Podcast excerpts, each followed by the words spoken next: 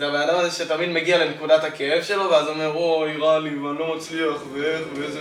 כן. במקום, במקום לעשות פעולות ולהבין, אחי, מה אתה לא עושה טוב, בוא נלמד איך משפרים את זה. יפה.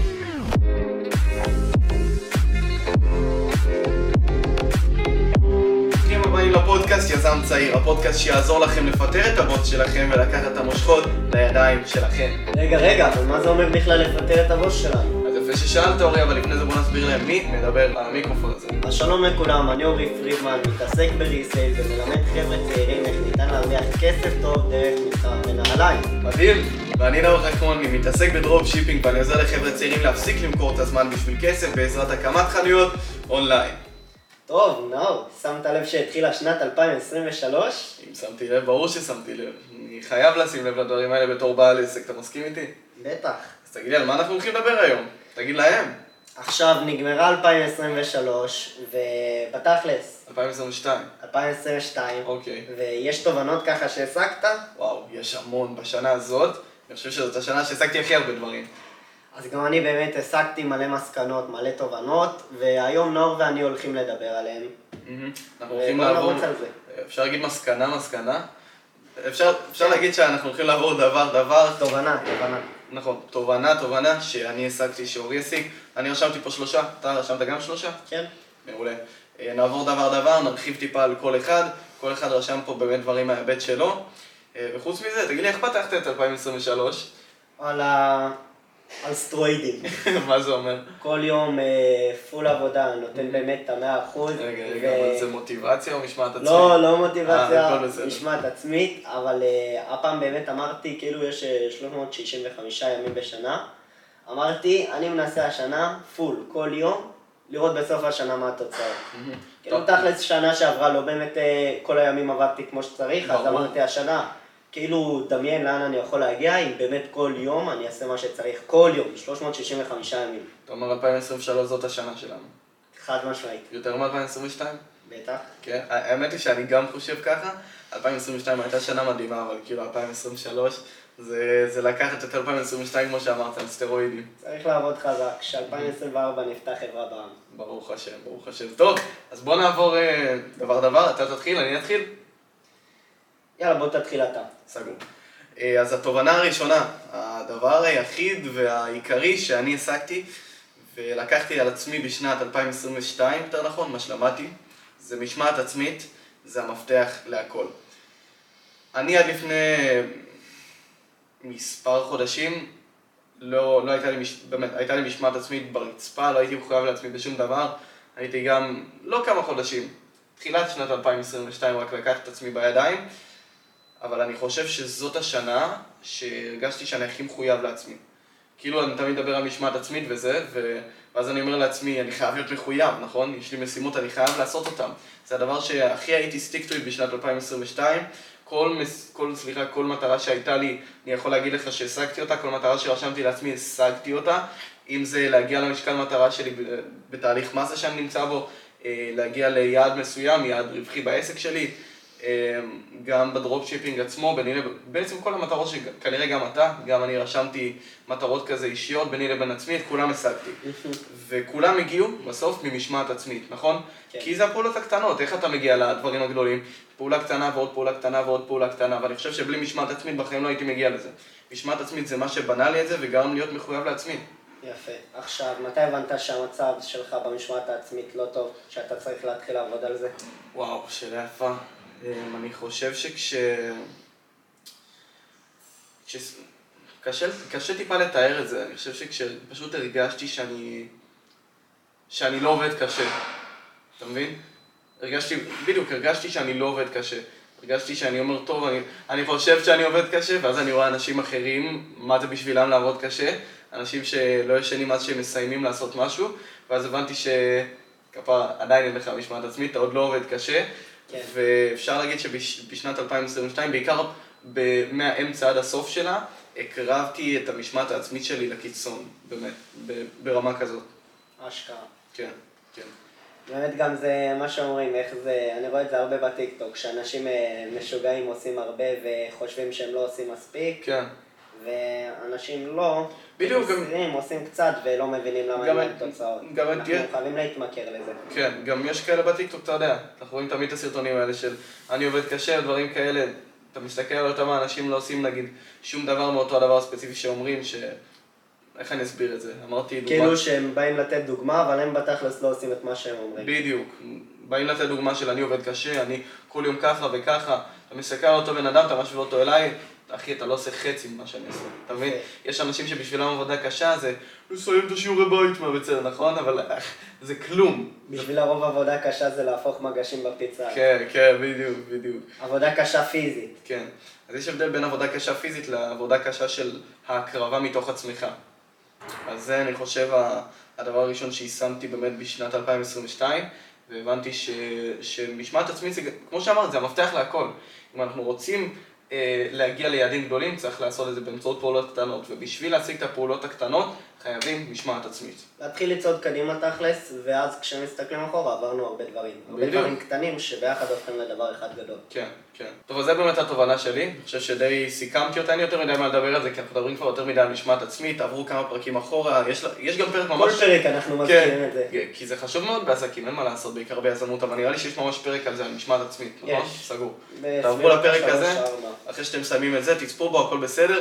נראה לי שדי סיכמנו את זה, יש לנו פה עוד המון המון תוכן שאנחנו רוצים להעביר לכם ומלא ידע, אז בואו נעבור למה שאתה יישמת בשנת 2022. סבבה. אז התובנה הראשונה שאני השגתי בשנת 2022 זה הכוח של ספרים. קראתי הרבה ספרים, קראתי לשרוף את הספינות, כוח 48 החוקים, אמ, איזה ספר. יש שם עוד כמה שאני בטח לא עולים לי לראש כרגע. עכשיו, אה, האמת, התחלתי לקרוא אבא אני, רק לאחרונה. שזה כאילו. הספר הראשון שכולם אומרים עליך. שקוראים שהוא הספר הראשון, אומרים שכולם קוראים את הספר הזה כהספר הראשון. כי זה ספר למתחילים, כאילו ספר למתחילים ולא ספר למצ... זה, בוא נגיד ככה, זה הספר שפותח את התודעה. יפה. אז כאילו אני הגעתי אליו למצב שאני קורא את הספר הזה אחרי שעברתי דברים וכל זה. פתאום הכל מתחבר. מקרה, כן, יש שם הרבה... זה מעיר אותך, זה, זה ספר טוב. כן. זה באמת נותן לך, כל העניין של הספרים נותן לך מלא פתרונות לבעיות שיש לך בחיים. זה גם אחד מה, אחת מההצעות שלי, זה לקרוא ספרים לבעיות שכאילו יש לנו ממש כרגע. כן. כי יש ספר על כל דבר. ברור. תשמע, ספר זה אשכרה, בן אדם נתן לך את החיים שלו, את, את כל מה שהוא למד בחיים, ב-50 עמודים. יפה, זה והדבר. הזה הולך רק 50, 60, זה אמור לעלות כמה אלפים. נכון. בעיקר ידע כמו אבא עשיר אבא אני, דברים כאלה. כוח 48 החוקים, שמע, זה, זה דברים ש... זה לא נקלט לך שהידע שיש שם, אתה באמת, אתה יודע, יש כאלה שרק קוראים ספרים בשביל להגיד אני קורא ספרים. בסוף מה שמשנה, אני אישית לא קורא ספרים בשביל להיות מחויב. כשאני מרגיש שאני עכשיו בפוקוס ומשהו כזה בעצם, אני קורא ספרים. לא סתם כי אני יודע שאני צריך לקרוא ספרים. רק אם אני בפוקוס, אם באותו יום אני לא בפוקוס, אני לא קורא ספר. ברור. כי אני יודע שאני לא איישם אותו. מה יעזור לי לקרוא עוד 20 עמודים אם אני לא מיישם את זה ביום-יום, אתה מבין? מה יעזור לקרוא אה, כוח 48 חוקים אם אני לא מנצל אותם ביום-יום? בסוף המטרה זה לקרוא כמה עמודים, לא יותר מדי, וליישם את זה בחיי היום-יום. זה לפחות ה- המחשבה שלי. מה אתה חושב? חושב בתכלס, אה, גם כמוך, אין סיבה סתם כאילו להציב מטרה לקרוא 30 עמודים ביום או כל מיני כן. שטויות כאלה, זה לא המטרה של זה. עכשיו, בתכלס אני התחלתי לקרוא ספרים, וזה מדהים, יוצא מצבים שאני מגיע לאיזה סיטואציה, ואז כאילו מה שקראתי בספר, אני, כן. אני הרבה יותר חכם בסיטואציה, בגלל שיש לי כבר ידע על הסיטואציה כן. הזאת, דרך הניסיון של הכותב של הספר. כן. לצורך העניין על התשלומי מיסים, מדברים על זה שם הרבה באבא עשירה ואני, מהמם. הוא כאילו נותן מלא דרכים חוקיות לשלם פחות מיסים, כן. שזה מטורף. כן, ל- להוציא יותר כסף, ואז כן, לאזן. תחשוב שיש אנשים שכאילו, שפשוט משלמים את המיסים בצורה הקלאסית. שאין עם זה בעיה, כן, אבל- אבל כמו פשוט שאמרנו. להגיש דוחות ולשלם, בדיוק. אבל אנחנו רוצים אה, להיות מתוחכמים יותר. כן, יש לך פה... בצורה חוקית, יש יש מלא חוקים את כאלה. מה שהוא למד בעסקים שלו והבין, והוא מסכם לך את זה אשכרה לכמה עמוד, כמה עמודים יש באבא שיר אמרני? 70, לא? משהו כזה? לא, נראה לי איזה 200. 200? אבל בסדר. אוקיי, אז כנראה שכחתי. קראתי את זה לפני הוא שם משהו גם שנה. אה, שרטוטים וכל כן, מיני תזרימים, כן. שזה מטורף. אז אני אומר, הוא אשכרה מסכם לך את כל מה שהוא למד לספר אחד, זה מדהים. כן. זה, זה לגמרי אוצר, בעיקר בכל תחום שהוא. אתה יודע, בסוף מדברים על ספרים, אין ספרים רק על כלכלה, נכון? יש ספרים גם על כישורים חברתיים, נגיד אה, פסיכולוגיה, יש ספרים על הכל. נכון? פשוט, אה, אני, אני אישית, נראה לי יש לך גם ספרים על איך אה, לתת אה, לחיצת יד. כן, יש על הכל, בטוח. יש, בטוח יש, אחר כך נחפש. אה, מה שבאתי להגיד זה, אני אישית לא חריף בספרים, אבל מה שכן, כשיש ספר שתופס אותי, אני קשה לי לקרוא ספרים. כשיש ספר שתופס אותי, אני יכול לחרוש עליו. כמו כוח 48 חוקים, כמו אבא עשירה בעני, כמו לשרוף את הספינות. אני לא קורא ספרים סתם לצורך לקרוא אותם. אני לא. רואה בזה שום... אם יש ספר ש... שאני קורא אותו, ואני שם לב שאני קורא לצורך הקריאה, ולא לצורך זה מעניין אותי ואני יכול ליישם את זה ביום-יום, אני לא ממשיך לקרוא אותו. יפה, גם לי יצא כמה פעמים ש... לא כמה פעמים, יצא לי איזה פעם אחת שקניתי ספר, וכאילו... כן. והפסקתי רובין שרמה, לא? באמצע. אתה הראית לי, הנזיר שמכרת, זה של רובין שרמה, לא? אה, כן, זה למשל. כן, הנזיר שמכר את הפרארי שעמו שלו. מוחלט, כן. כן? אז כשאתם קונים אה, ספר, תקראו כמה עמודים בחנות אפילו, תראו שזה באמת מעניין אתכם, כן. ואז ככה תחסכו את המצב הזה. כן, גם אפשר, אפשר להשיל מספריות, אם אתם יזמים בתחילת הדרך, אין לכם הרבה כסף. לכו תשילו מספריות, זה גם יכול להיות מעולה. אה, אני בספק אם יש שם ספרים כאלה, האמת, או שאני לא מודע או ש... לא יודע, אבל אם יש שם, אז תיקחו. מה אתה אומר, יש בספריית המטריקס לא. ספר? ספריית המטריקס אין, אל תדאגי. אני רק אוסיף ואגיד שבזמן האחרון התחלתי לשמוע ספרים. אה, הבאסה זה שאתה שומע ספרים נגיד באפליקציה כמו סטוריטל, אם מישהו מעניין אותו תרשמו סטוריטל בחנות האפליקציות, תבדקו על זה. אה, הבאסה שאין שם את כל הספרים, אתה מבין? כן. אבל אני מאמין ששנה, שנתיים היום, כל ספר יהיה עליו חוק שחייב גם להקליט אותו, כי לשם העולם הולך, נכון? לדיגיטל. אה, וכשנגיע לנקודה הזו, וואו, אני אשכרה יכול לשמוע את זה כמו פודקאסט, לשים את האוזניות רגע, בזמן שאני באימון אפילו, לשמוע את זה, ואם הספר מעניין אותי, זה באמת מרתק בשבילי, אני יכול לשמוע את זה. האמת אבל אני לפני כמה ימים קראתי איזה, איזה מאמר על זה שדווקא כשאנשים אה, שומעים ספר, כשהוא מוקלט, הם אה, קולטים פחות ומיישמים פחות. למה? כי בזמן שאתה שומע את הספר, אתה לא רק שומע אותו, אתה לרוב אה, תתאמן, תכין אוכל ודברים כאלה, נכון, ואז אתה מפספס קצת פרטים, אתה לא... כן. אז להכל יש אתה. לא מקבל את זה חד כמו שאתה יושב וקורא את זה ומתמקד רק בזה. נכון, להכל יש יתרונות וחסרונות. אמ, אם אתה שומע, אבל היתרון שאתה יכול פשוט לשמוע את זה שוב פעם, בלי בעיה, נכון? לעומת אה, לקחת מהזמן שלך לזה שאתה יושב ממש עם ספר וקורא אותו, טיפה יותר קשה לקרוא אותו שוב מאשר לשמוע אותו שוב, נכון? כן. אז זה מה שאני איש התחלתי לעשות, באמת לשמוע ספרים. אני גם בן אדם שאתה יודע, אתה שם לב כמה אני מנהל את הזמן שלי והכל, אני חייב להיות כמה שיותר, סליחה, אני חייב להיות כמה שיותר פרודקטיבי, וקשה לי אישית לשבת עכשיו שעה כל יום ולקרוא ספר. אני המקסימום שאני קורא ביום זה חצי שעה גג, קשה לי יותר, אה, וכשאני שומע ספרים, אני מרגיש הרבה יותר פרודקטיבי, כי אני שומע ספרים תוך כדי שם לי לאכול, מתארגן לאימון, אתה מבין? זה דברים של תוך כדי, אני קשה לא להיות בתזוזה. כן. וזהו. סבבה, זה גם אפשרות. יש לך עוד משהו להגיד על התובנה היפה שהבאת לנו פה? על התובנה הזאת, אין לי עוד מה להגיד, דיברנו עליה די הרבה. סגור. אז בואו נעבור לתובנה הבאה שלי, שזה, וואו, זה, אפשר לדבר על זה פרק שלם, אבל, אבל ניתן על זה כמה נגיעות בקטנה. אז התובנה השנייה שלי, אני למדתי בשנת 2022 מה זה כסף ומה החוזק שלו בעולם. אני אגיד לך משהו מצחיק, לפני, לפני חצי שנה ראיתי סרטון שבעצם אומר, אתם לא מרוויחים כסף, אתם לוקחים כסף מאנשים אחרים. כששמעתי את זה, עשיתי ככה רגע, חזרתי שוב לסרטון, רציתי להבין בכלל מה הוא אומר, ושם אני יכול להגיד לך שהתחיל לעניין אותי כל העניין של כלכלה. לא, איך אני אסביר, באמת להיכנס לעומק הכלכלה, מה, איך, איך, אה, איך שקל לדוגמה הגיע לערך שהוא נמצא בו עכשיו, איך דולר הגיע לערך שהוא נמצא בו עכשיו, מי באמת שולט מבחינה כלכלית בעולם, מה גורם לשקל להיות שווה פחות. בדיוק. והדבר הזה, כל ההיסטוריה גם, פתאום אתה מגלה שהיסטוריה מעניין אותך, נכון? בבית ספר אבל לא ההיסטוריה של הבית כן, ספר. בבית ספר אתה נרדם בשיעורי היסטוריה, אבל כשאני פתאום קורא על אה, איך השקל הגיע להיות משהו עכשיו, איך הוא הגיע להיות בערך שלו עכשיו, אה, איך, איך כלכלה פועלת, מה זה כסף, איך, אה, איך כסף עובר בין בנקים, דברים כאלה, פתאום אתה באמת נדבק למסך מחשב. כן, אפילו משברים גדולים שהיו כן. בעולם, בארצות כן. הברית, בבורסה והכל, ואתה רואה מה קרה אחרי המשברים, ואתה כן. כבר מחכה עם, ה, עם היד על ההדק ככה לפעם הבאה, בוא נגיד. זה מה שאני שמתי מאוד. כן מעניינת, פשוט לא של הבית ספר. כן, הדבר, הדבר העיקרי שאני שמתי בשנת 2022 זה הקטע של אתה לא עושה כסף, אתה לוקח כסף מאנשים אחרים. זה נשמע כמו איזה מרמה או משהו, נכון? פתאום שאתה אומר את זה ככה.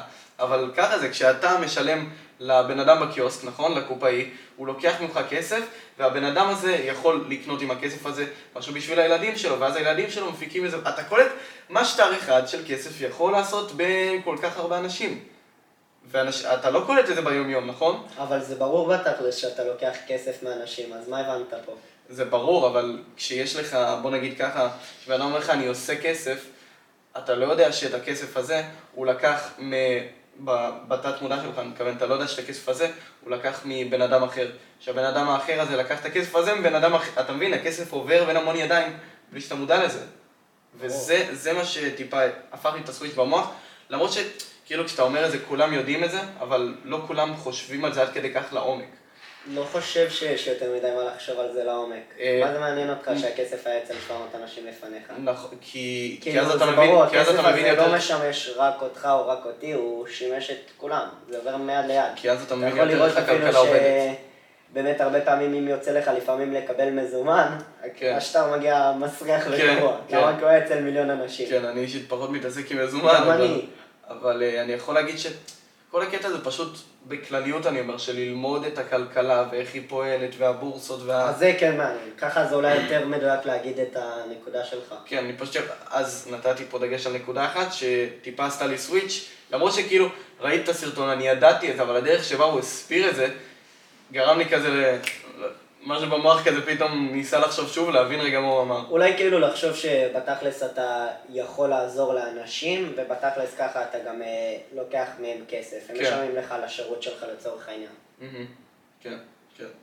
אה, וזהו לדעתי. ברור שיש לנו גם פרק שלם בכלל על, על כסף, נכון? על אה, דברים שאפשר לעשות מהם כסף. אני חושב שנעשה פרק שלם באמת על, על מה זה כסף, איך פעם היו סוחרים, לדוגמה, ב... הרי פעם לא היו משתמשים בכסף, היו משתמשים במטבעות ובזהב ודברים כאלה ובכבשים. נראה לי נעשה פרק אחד אפילו על זה רק, זה יכול להיות ממש מעניין. אה, כי אני לא רוצה להרחיב יותר מדי עכשיו, כי יש לנו פה עוד המון נקודות. אז נראה לי נעבור לתובנה הבאה. יאללה. אז התובנה השנייה שלי לשנת 2022 זה שהבנתי שאם אנחנו רוצים להתעשר, לחסוך את הכסף שאנחנו מרוויחים מהעבודה שלנו, זה לא מספיק. אנחנו צריכים איי, גם איי. להשקיע אותו. אנחנו כרגע לא חיים במצב שההורים שלנו חיו בו לפני כמה עשרות שנים, כן. שזה היה מספיק לחסוך את הכסף שהם מרוויחים מהעבודה, את ה-15,000 שקל האלה, בשביל לקנות בית. זה ממש לא המצב היום. נכון שפעם הם יכלו לחסוך את הכסף הזה, את ה-15,000 שקל ולקנות בית, כי המחירים של הבתים, של הנדל"ן, היה הרבה יותר נמוך. אבל שזה- עכשיו זה גם חלק ממה זה כסף. נכון, עכשיו זה בכלל לא מתקרב למצב הזה. בוא נגיד אם אתה עובד על שכר מינימום, כמה שנים ייקח לך לקנות בית? וואו. לא, לא יודע לחשב לך את זה בכלל, אחי, אני משער שמשהו כמו 50 שנה. כמה עשרות, כמה עשרות שנים. מלא שנים. אז אנחנו באמת לא יכולים להתנהל על פי הכללים, שבוא נגיד ההורים שלנו שיחקו בהם את המשחק. כן. כי פשוט מאוד, אם אנחנו נחסוך את הכסף שלנו ונעשה כמו שהם עשו, אנחנו אולי נגיע לכמות כסף הזאת של ה-200 אלף שקל, 300 אלף שקל, אבל היום כבר אנחנו לא קונים בתים במחירים האלה. ברור. אתה- למצוא בית במחיר הזה זה כמו למצוא מחירי זהב. כן. כן, וזה לא נראה לי אפשרי. אבל אתה רוצה רגע להרחיב בדיוק, כאילו, מה זה מבחינתך להשקיע? כי אנשים בטח ישר שומעים להשקיע את הכסף, זה ישר מניות, מה שעולה להם לראש. יפה, אז לא בהכרח מניות. אגב, אם אנחנו מדברים על מניות, אנחנו יכולים גם להשקיע לצורך העניין בחברות קטנות שהונפקו לבורסה ואנחנו רואים בהן כפוטנציאל. כן, כמו שאתה שלחת לפני כמה ימים. כן. כן. חברה שמדפיסה סטייקים. וואי, זה הזוי. שמע, זה מטורף, אבל אה, זה לגמרי יש מצב שלשם העולם הולך. כן. וכרגע... לשם העולם הולך, זה כן, בטוח. וכרגע המניה הזאת נסחרת בבורסה בסביבות הדולר אחד. מהמם. תגיד להם לא המלצה. לא להמלצה כמובן, בגלל זה אני גם לא אומר את השם של המניה. מי שרוצה שיחקור לבד. אז באמת, זה למה אני מוצא לנכון לשים לצורך העניין איקס מסוים מהכסף שלי אה, בחברה הזאת. גם כי היא כרגע נסחרת במחיר מאוד מאוד נמוך, וגם כי זו חברה שאני מאמין שיכולה להגיע למקומות מפגרים. יכולה לגדול. נכון, גם אה, לצורך העניין, ההורים שלנו יגידו לנו, תשקיעו בחברות הבטוחות, בחברות הגדולות. כן. כשאנחנו עושים את זה, אנחנו אומנם מרוויחים כסף, אבל קצת. באחוזים נורא נורא נמוכים, כי זה. בטוח, כי זה חסר סיכון. כן. אני לא אומר כאן אה, לקחת סיכונים מפגרים ו... ולא מושכלים, גם יש לנו על זה פרק, לקחת את הסיכון כמובן אה, בצורה מחושבת, כן, פרק על ניהול סיכונים, תעברו עליו. ולהשקיע את הכסף שלנו באמת במה שאנחנו מאמינים בו ורואים בו פוטנציאל. האמת, זו הפעם הראשונה שאני עומד להשקיע בחברה שהיא ממש צעירה. כן, נראה לי באמת משהו מלא בפוטנציאל, כי זה מעניין אותי, אני חושב שזה יכול לעבוד, כרגע זה במחירים מצחיקים. כן. וכאילו במקרה הכי גרוע, מה הפסדתי? כמה, כמה מאות דולרים? כן. תשמע, עם השכנוע הזה נראה לי גם אני נכנס איתך. נדבר על זה אחרי זה. כן, אבל אתה עכשיו, רוצה רגע לדבר אה, באמת על... אה, גם מעבר ללהשקיע בחברות, כן, אנחנו יכולים, אה, לצורך העניין, אני משקיע גם בנעליים, שזה במקרה גם העבודה שלי. משקיע בעסק, אפשר להגיד משקיע חזרה בעסק. כן. לגמרי. לקחת... כי זה גם הקטע הזה שמדברים עליו באבא עשיר אבא עני, עם ההוצאות. כן, שהכסף שאנחנו מרוויחים מהעבודה שלנו, כשאנחנו עצמאים, אנחנו משלמים מיסים אחרי ההוצאות. מהמם. קודם כל, יש אה, רווחים, לא, איך זה עובד? קודם כל יש את ההכנסות מזה... יפה. יש הכנסות, אחרי זה אנחנו עושים את ההוצאות, יש לנו את הזכות לעשות הוצאות לפני המיסים, ברור. ואז בסוף אנחנו משלמים את המיסים. כן. שזה לעומת הרווח. השכירים, שזה לא ככה. מהמם. הם מקבלים את ההכנסות, שזה המשכורת שלהם מהעבודה, ואז הם משלמים מיסים, ואז הם נשארים עם ההוצאות, עם מה שיש להם. או אנחנו ש- או יכולים שהבוס להוציא... משלם עליהם. יפה. אנחנו יכולים להוציא כסף בתכלס לפני שאנחנו משלמים מיסים, וזה יתרון עצום. כי לצורך העניין הרווחנו 50 אלף שקל בחודש, אנחנו יכולים לקחת 40 אלף שקל, להשקיע אותם בחזרה בעסק. ואז כאילו ההוצאות של העסק גדלות, זה נחשב הוצאה מוכרת. ואז אנחנו משלמים פחות מיסים. ברור. ובזמן הזה הכסף עובד למעננו כן, בעסק. כן, זה מדהים. זה טיפה מסובך מה שאמרנו פה, לכו תקנו אבל זה. אשכרה ככה. תקנו את הספר אבא עשיר אבא עני, לא נחפור לכם פה יותר מדי. כמה זמן אנחנו כבר רצים על הפרק? משהו כמו 20 דקות נראה לי? סבבה, בוא נדבר, מה? נמשיך. טוב, אז אה, סיכמת את הנקודה הזאת, נעבור לנקודה הבאה שלי. אפשרי. מעולה.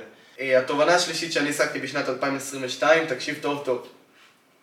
למדתי לנהל זמן ולהיות יותר פרודקטיבי. כמו שאנחנו יודעים, יש לנו פרק שלם על זה בפודקאסט.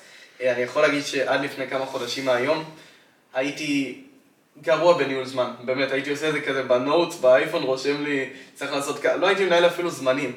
ואני יכול להגיד לך שמהרגע שהתחלתי לנהל זמן, פתאום אני קולט כמה זמן הייתי מבזבז, בלי לשים לב. לא אומר לך, בלי לשים לב.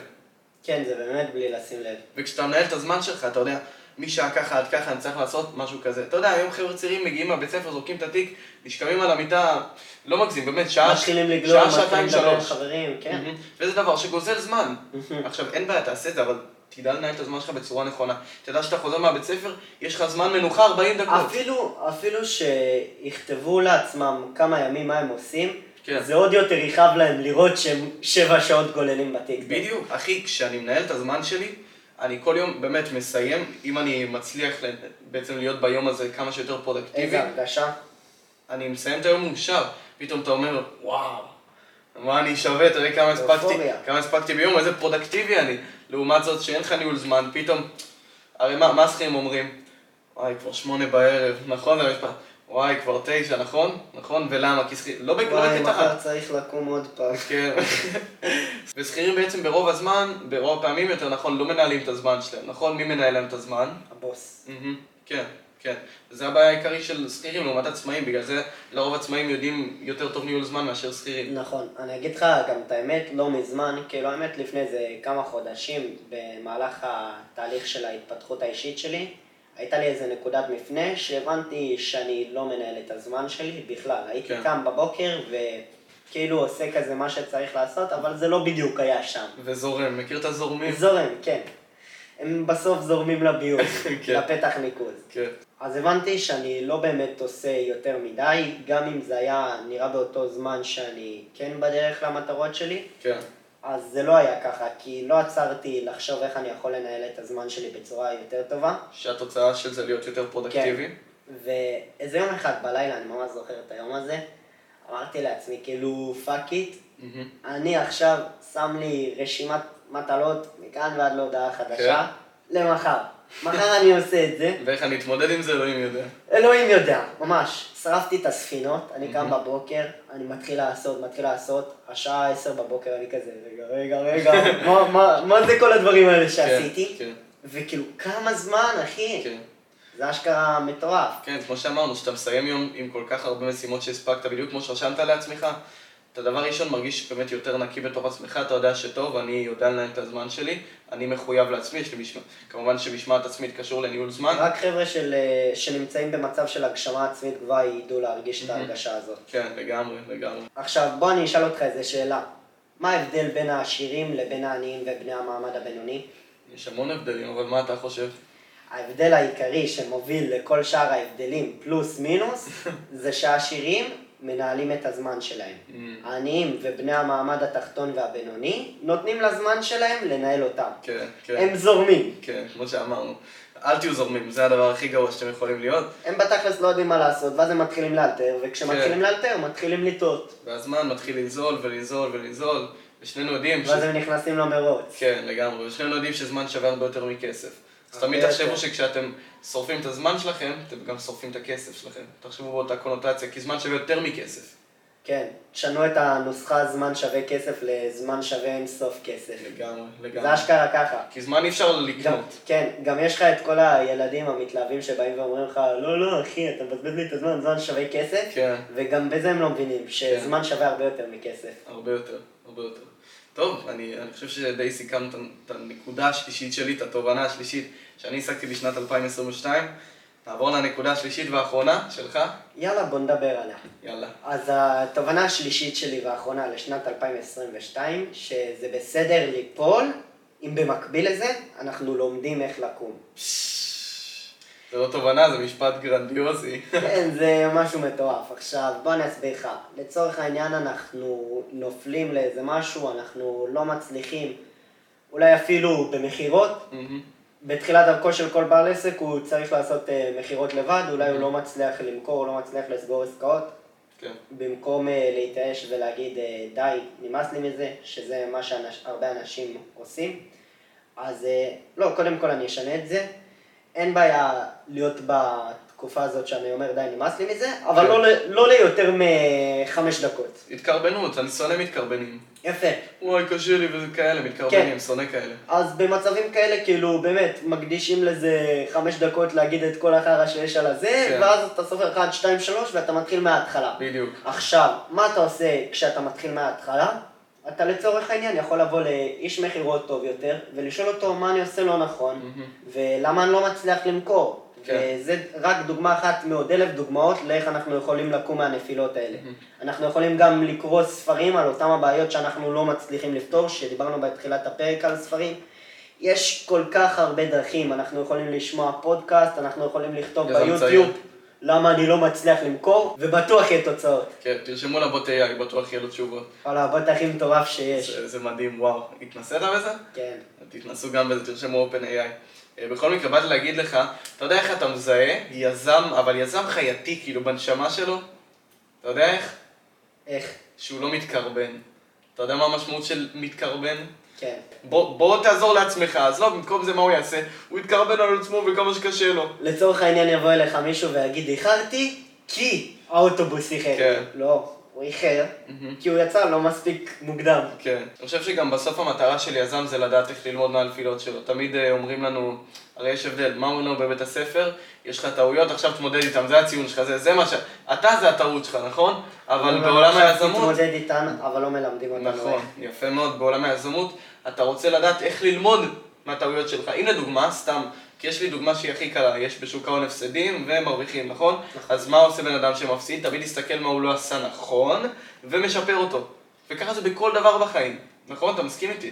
זה בן אדם שבאמת יודע ללמוד מהטעויות שלו. יהיה גם את הבן אדם שיגיד, הפסדתי, זה לא מתאים לי התחום הזה. אה. אנחנו נרצה להיות הבן אדם הראשון. כן.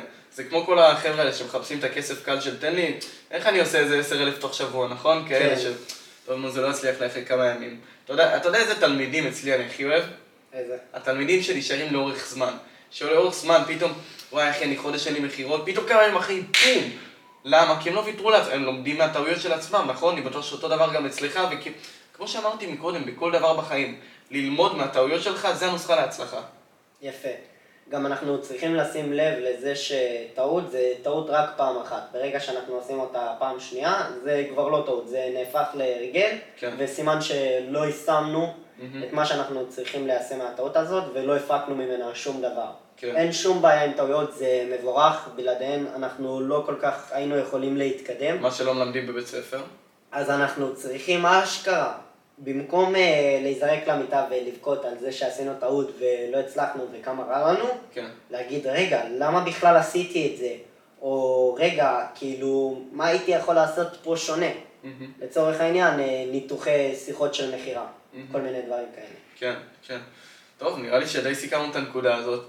הבאנו פה אחת, שתיים, שלוש, ארבע, חמש, שש תובנות בפרק אחד שאני למדתי ב-2022, שלושה מהם.